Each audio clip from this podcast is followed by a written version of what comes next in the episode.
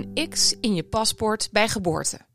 Dat lijkt mij dé oplossing. Gewoon geboren worden als mensje. En dan, al naar gelang je leven vordert, lekker zelf beslissen bij welk gender je wil aansluiten.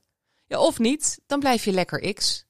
Toen ik dit statement op mijn Instagram postte, reageerde een vriendin met: Ja, maar ik vond het zo leuk om te vertellen of de jongetje of een meisje werd.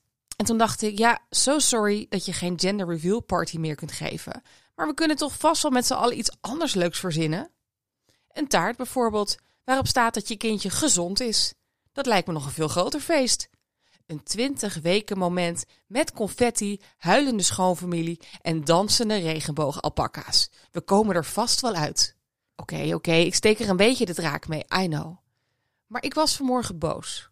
Boos op de radio in mijn auto. En dus zat ik hardop te schreeuwen tegen mijn dashboard dat ik het er zo niet mee eens was. Oké, enige uitleg. Op het moment dat ik deze column inspreek, maakt D66-Kamerlid Lisa van Ginneke zich hard voor het feit dat je op je zestiende je geslacht in je paspoort mag veranderen naar een X. Waarop een journaliste zei dat het misschien wat jong was om te bepalen of je een man of vrouw bent. Of misschien geen van beide. Nou, en toen brak dus mijn klomp.